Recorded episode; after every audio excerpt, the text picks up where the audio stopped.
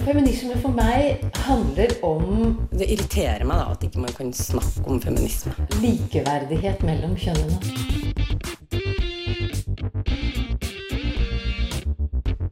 Det blikket på kvinnen på film. handlet det om å bli tatt på alvor som jente.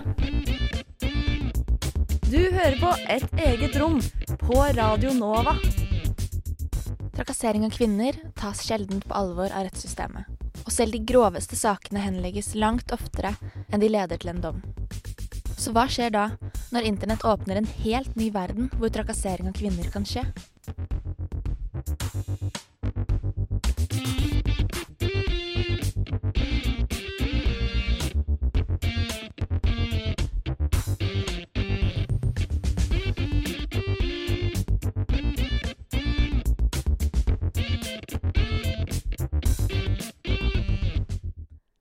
Hei, og velkommen til Et eget rom.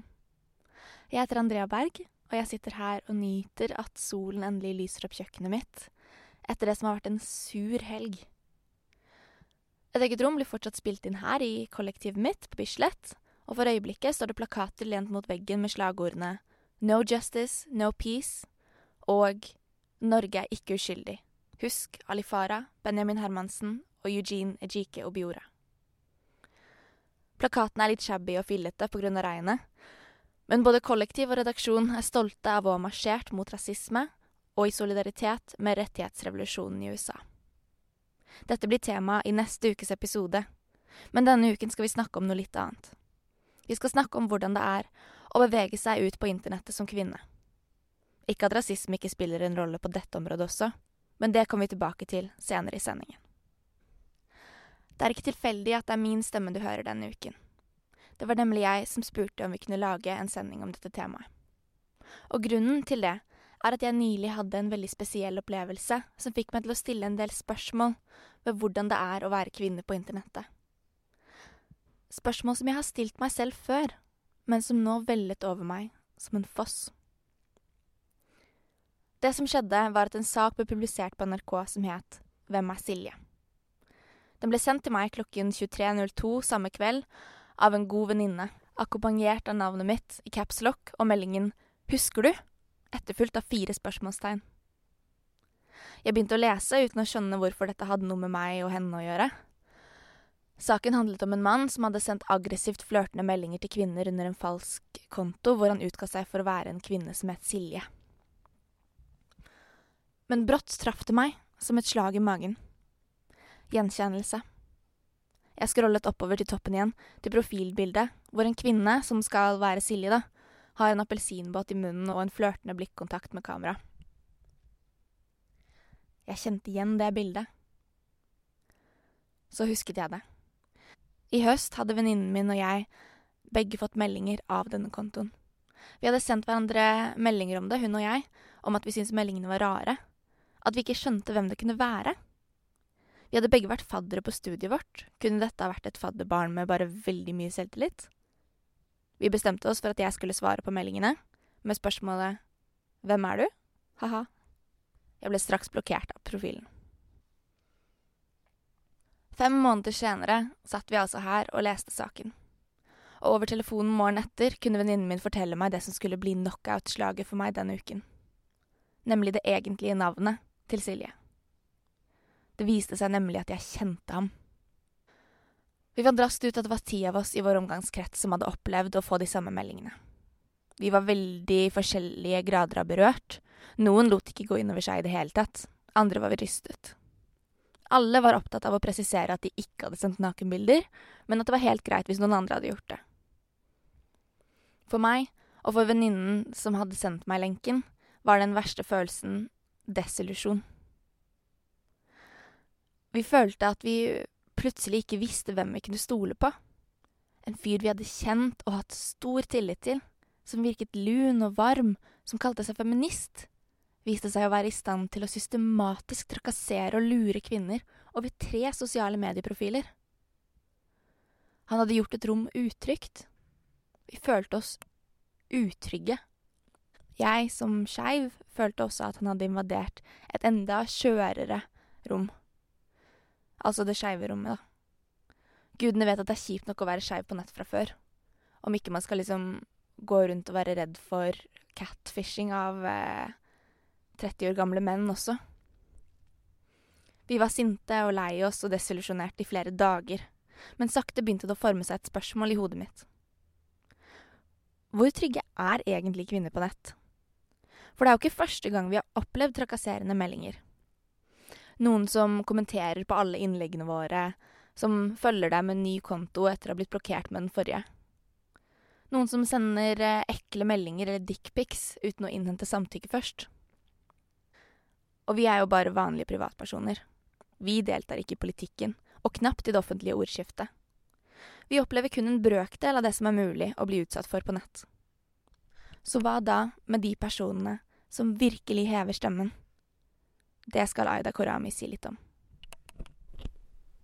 Det er et pågående problem med netthets, særlig på sosiale medier og kommentarfelt. Og denne hetsen rammer spesielt kvinner og etniske minoriteter. En undersøkelse fra Amnesty i 2018 viste at to av tre kvinnelige politikere har opplevd netthets. I denne undersøkelsen kommer det frem at kun 22% av de som har opplevd netthets, svarer at det ikke har hatt noen konsekvenser for dem. 34% oppga at de har sluttet å uttrykke meningen sin om visse tema på sosiale medier. 66% har blitt mer forsiktige, og kun 16% har fortsatt som før. De fleste politikere i offentligheten får kritikk. Men er kritikken lik? Og hva er konsekvensene for de som blir utsatt for kvinnehets? For netthets rammer kvinner og menn ulikt. Mens menn blir hetset for innholdet i hva de sier, blir kvinnehets rettet mot hvordan de ser ut, eller de blir truet med seksualisert vold. Der generelle nettroll har som mål å irritere folk, bruker kjønnstroll mer seksualiserte og truende språk. I samme undersøkelse la Amnesty International og gruppen Element AI frem tall som viste at kvinnelige journalister og politikere blir trakassert på Twitter én gang hver 30. sekund. Og svarte kvinner har dobbelt så høy risiko for å bli trakassert som det hvite kvinner har. Konsentrasjonsvansker, dårlig selvtillit og søvnproblemer er noen av de konsekvensene for kvinner som deltar i politikk. Noen velger å unngå omfiendtlige tema, slik som klima eller EU. Noen velger å droppe kommentarfelt, mens andre dropper politikk helt. Denne typen retorikk fører til frykt og i verste fall at kvinner trekker seg unna politikk og samfunnsdebatter. Ytringsfrihet og mulighet til å delta politisk er viktige bærebjelker for et demokratisk samfunn. Tilveksten av sosiale medier som Instagram, Facebook og Twitter har ført til økning av denne typen hets. Netthets er ekte. Det kan kjennes både fysisk og psykisk, og bør bli behandlet på lik linje som annen trakassering. Det var Aida Koramis stemme du hørte der. Det blir også feil å ikke snakke om hvordan trakassering av kvinnelige politikere og andre samfunnsdebattanter påvirker melaninrike kvinner. Interseksjonen mellom sexisme og rasisme er et mørkt sted, og det har vi fått tydelig eksemplifisert i Naima Alasovs sin post som gikk viralt på sosiale medier denne uken. Posten viser noen av meldingene som har blitt publisert i et kommentarfelt under en nyhetssak som formidler at hun skal gå av som bystyrerepresentant for Arbeiderpartiet. Kommentarene uttrykker sterkt rasistiske holdninger gjennom grovt språk. Hun blir annet sammenlignet med en ape, og N-ordet brukes to ganger om Alasov. Den tidligere politikeren skriver også i en oppdatering under posten sin at hun anmeldte saken til politiet i Sarpsborg i 2016, men at den da ble henlagt. Men internett har vel også hatt noen gode sider? Til og med den anonymiteten som vi er så kritiske til i dag, og som ofte gjør at folk tillater seg å poste slike drøye og rasistiske og sexistiske kommentarer, som i Alasovs tilfelle. Disse spørsmålene stiller Lisbeth Mangen, og forteller historien om en av internetts mest berømte kulturkriger, og hvordan den snudde alt på hodet. Det å kunne forbli anonym på nettet kan være et utrolig godt instrument i en demokratiseringsprosess. Det kan også brukes til krigshissing, mobbing og trusler. Det har blitt brukt til å opplyse om forferdelige tilstander i autoritære regimer uten at kilden blir tatt av dage. Men det er jo også stemmer som har rettet kritikk mot ulike negative strukturer, og blitt møtt med uhorvelige mengder trusler og sjikanering. Det er sinte mennesker som er skjult bak IP-adresser, og noen ganger ikke det engang. Det er personvernslover som beskytter de. Her i Norge ble den sosiale plattformen Jodel stengt ned i Levanger i 2016 etter trusler mot skoler. Året før var mobbingen blitt så ille mot enkelte elever på Ulstein videregående at appen stengte ned også der. Denne typen geolokasjonssensur kan være et effektivt middel mot mobbing der og da. Siden voicechat ble den vanligste måten å kommunisere på da man spiller på nett, eh, som det har vært i mange år nå, er det ganske enkelt å spre heterogalle, rasisme og misogyni. Eh, særlig det siste har et ekstremt rotfeste. Er du kvinnelig gamer, kan det være spesielt belastende. Gameren Spontaneous lagde en kollasj av et knippe øyeblikk med slik eh, sexistisk trakassering som skal være representativt for hennes spillopplevelse. I fucking love you. Please let me have your Snapchat. Grill, can I have your Snapchat? Wait, what's your real name? Is it Amanda? What's your real name? Let me have your Snapchat. It's Grill. probably like a really white bitchy name.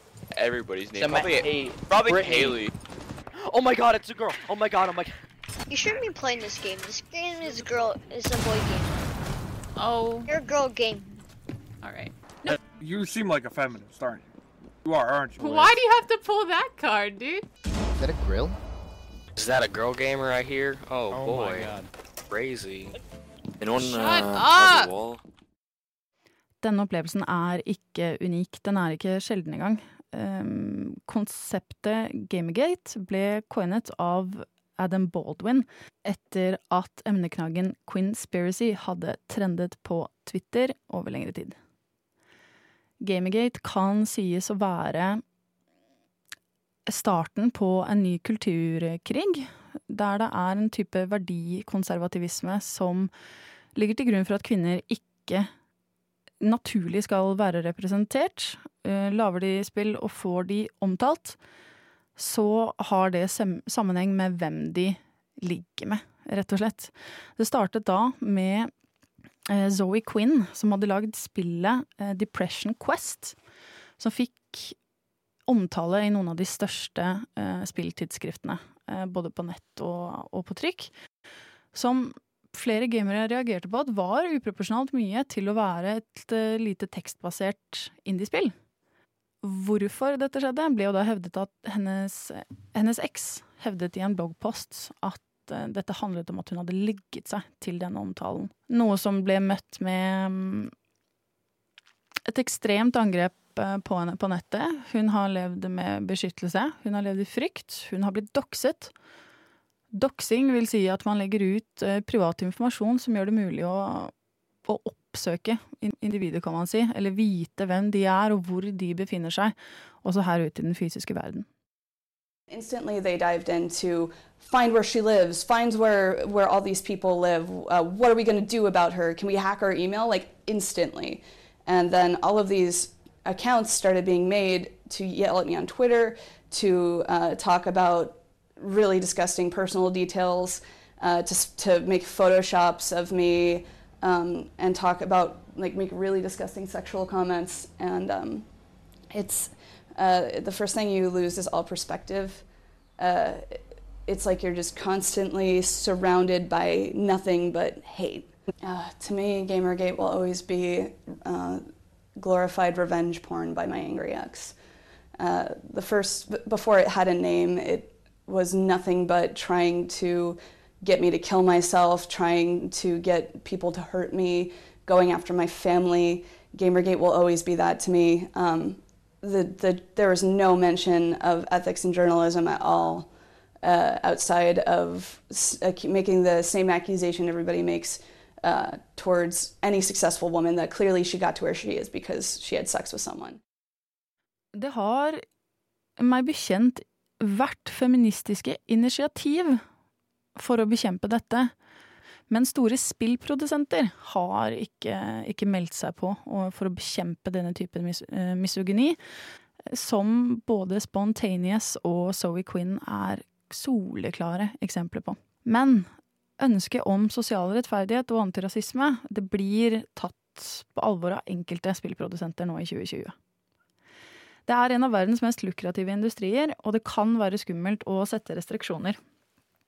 Men spillutvikleren Infinity Ward, som annet står bak spillserien og suksessen Call of Duty, har nå lansert en aktiv kampanje for å bekjempe rasisme. Når det nye spillet deres skal lansere, vil man se følgende hylles til Black Lives Matter-bevegelsen. Black Lives Matter. Our community is hurting. The systemic inequalities our community experiences are once again center stage. Call of Duty and Infinity Ward stand for equality and inclusion. We stand against the racism and injustice our black community endures. Until change happens and Black Lives Matters, we will never truly be the community we strive to be. Initiativ som at du blir blokkert hvis du har rasistisk gaming-ID, det er navnet ditt da du spiller, er satt inn. Eh, hvis du gjentar dette, så kan du få noe, noe som heter en permablokk, dvs. Si at du er kastet ut for godt. Det er um, inspirerende for andre også. Spillprodusenter som Rockstar og um, Epic Games og Sony utsetter alle større lanseringer nå, og er svært vokale i sin støtte til Black Lives Matter-bevegelsen. Man kan jo ønske seg tydeligere støtte til kvinner som opplever trakassering eh, i fremtiden. Vi utgjør faktisk halvparten av spillerne de siste ti årene, og det ser jo ikke ut til å forandre seg med det første. Det var Lisbeth Mangen som fortalte om Gamergate, og avsluttet med å si litt om hvordan tilstanden i gamingverden er i dag når det kommer til antirasisme og feminisme. Eller mangelen derav. Internett og ny teknologi byr på mange nye former for seksuell og sexistisk trakassering, som var helt utenkelig før. Som bruken av deepfakes for å produsere hevnporno, eksempel. Andre såkalte internettfenomen strekker seg lengre tilbake i historien enn man kanskje skulle trodd. For du visste kanskje ikke at Fridtjof Nansen sendte dickpics? Det får du høre om straks, på et eget rom. Jamila Jamil, kanskje et av mine forbilder, som jeg syns er veldig kul. Hennes motto er liksom at så lenge man er opptatt av å lære og utvikle seg, så skal alle få lov til det. Så alle kan jo si dumme ting en gang iblant, eller trå litt feil, men å da gå tilbake og, og liksom si unnskyld, og jeg er fortsatt i utvikling, og jeg lover å gjøre det bedre neste gang. Du hører på Et eget rom. Radio Novas feministiske program.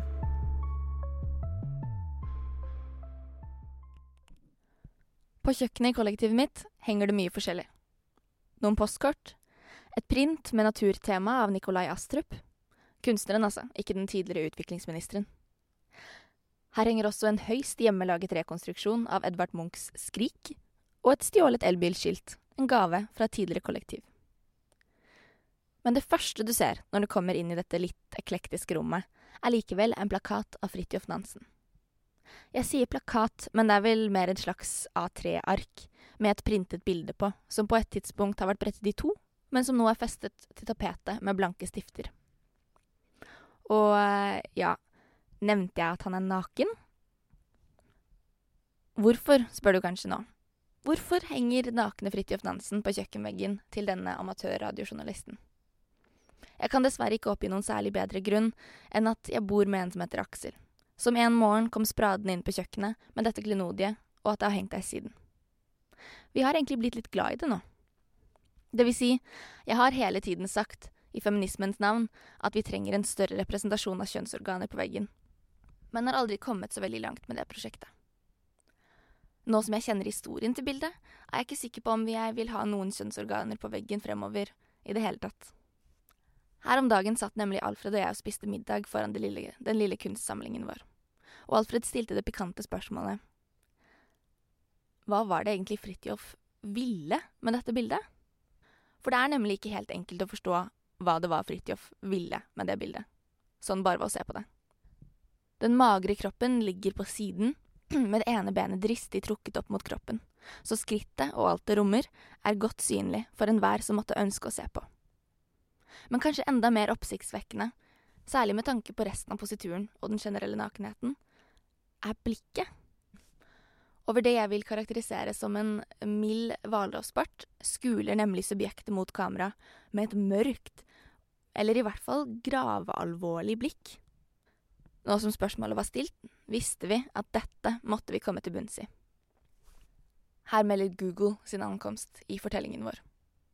Det første Google kunne bidra med da vi skrev Fridtjof Nansen nude, var ganske mange flere Fridtjof Nansen-nudes. Jeg tror faktisk det er få som har sett fullt så mye av Fridtjof Nansen som Alfred og jeg har etter dette Google-søket. Bortsett fra én annen essensiell person, nemlig personen disse bildene ble tatt til ære for. Den norsk-amerikanske forfatter Brenda Ueland. Ifølge boken Brenda My Love møttes 67 år gamle Fridtjof og den 30 år yngre Brenda i New York i 1929, og hadde en slags affære der. Deretter dro Nansen hjem til Norge og sin kone, for så å sende 30 brev tilbake til Brenda i USA. Hennes brev er tapt, og vi kan derfor ikke vite hvorvidt hun ønsket brevene fra Nansen, med deres dristige vedlegg, eller ei. Det vi vet, var at hun var i et romantisk forhold med en annen kvinne på denne tiden. Så var det snakk om free love, med både ønske og samtykke, eller en lesbisk kvinne som måtte deale med slitsomme dickpics fra en mann som ikke tok legningen hennes på alvor. Det vet vi altså ikke. Det er to ganske forskjellige fortellinger, som gjør Fridtjof til to ganske forskjellige menn. Og det er også dette som er kjernen i dagens dickpic-problematikk. Samtykke. Eller mangelen derav. For å sende dickpics uten å spørre først er faktisk blotting, ifølge norsk lov. Det sa politioverbetjent i Kripos Bjørn Erik Ludvigsen til Dagbladet i 2018. Allikevel har hele 45% av kvinner mottatt uønskede dickpics, ifølge en Norsats-undersøkelse som ble gjort for NRK samme år. Ludvigsen sier til Dagbladet at ungdom og voksne må lære seg at norsk lov også gjelder på internettet. Så kan man jo spørre seg om disse lovene faktisk blir tatt i bruk, og om vi noen gang kommer til et punkt hvor normalen er både å anmelde og se en dom når man mottar en dickpic som er uønsket. For frem til da sender man jo et ganske tydelig signal om lovløshet i dette, som i de fleste andre tilfeller av seksuell trakassering på nett. At det egentlig bare er å forvente.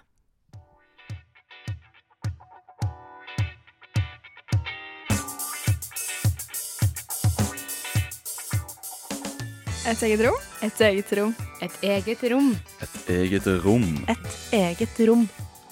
På Radio Nova.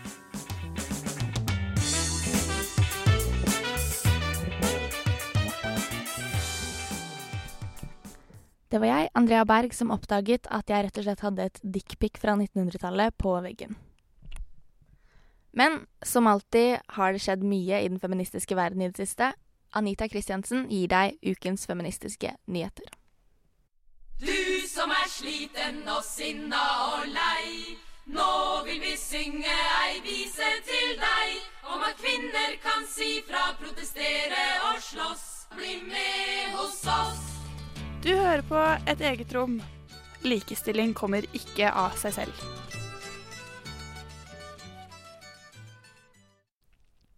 Det har vært store demonstrasjoner rundt i verden etter drapet på George Floyd. Det har blitt kalt den største borgerrettighetsprotesten i nyere tid. Den har strukket seg over alle USAs stater og mange andre land.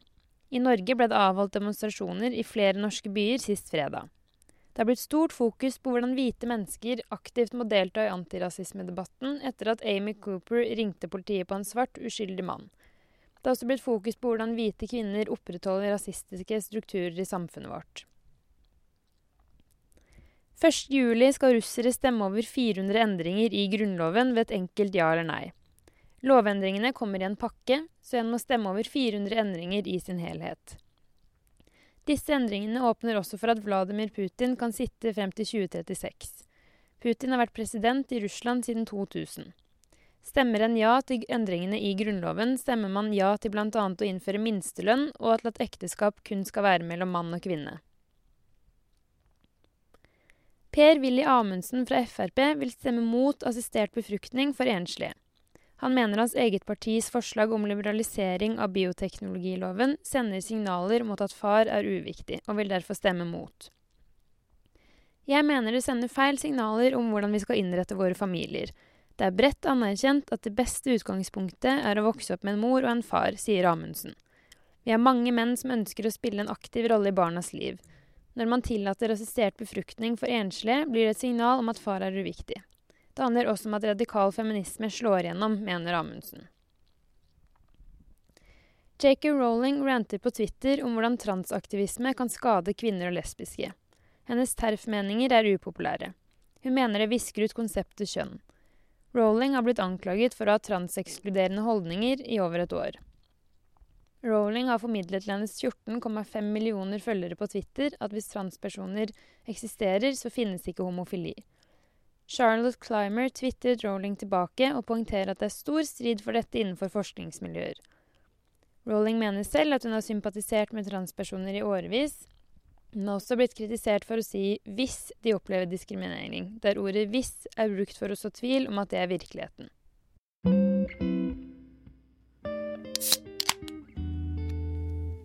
Åh, ingenting er som å åpne en sprudlende boks med likestillingsdebatt.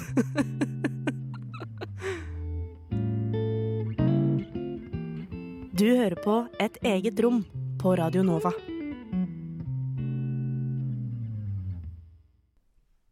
Det var ukens feministiske nyheter, skrevet og lest av Anita Kristiansen. Temaet vi har snakket om i dag, har åpenbart vært personlig for meg.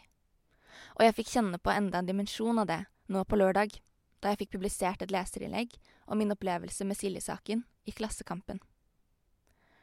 Det var stas, så klart, at de ville trykke mine ord, og jeg var glad for at poengene mine skulle bli lest av folk jeg aldri kommer til å møte og diskutere med ansikt til ansikt.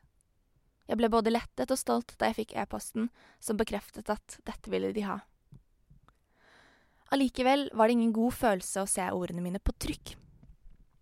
Jeg ble stresset av å se dem der, på det grå avispapiret. Jeg tenkte at i et kommentarfelt der ute er det en fake profil som kaller meg hore. Eller en mannegruppe som henger meg ut med navn og bilde. Jeg tenkte skal jeg sjekke? Nei. Svaret er åpenbart nei. Det er aldri en god idé å sjekke kommentarfelt. Men det er nok å ha sett ett kommentarfelt én gang. Da vet du nemlig. Om du er kvinne eller transperson, melaninrik, person med funksjonsvariasjon eller skeiv, du vet at på internettet er det fritt frem.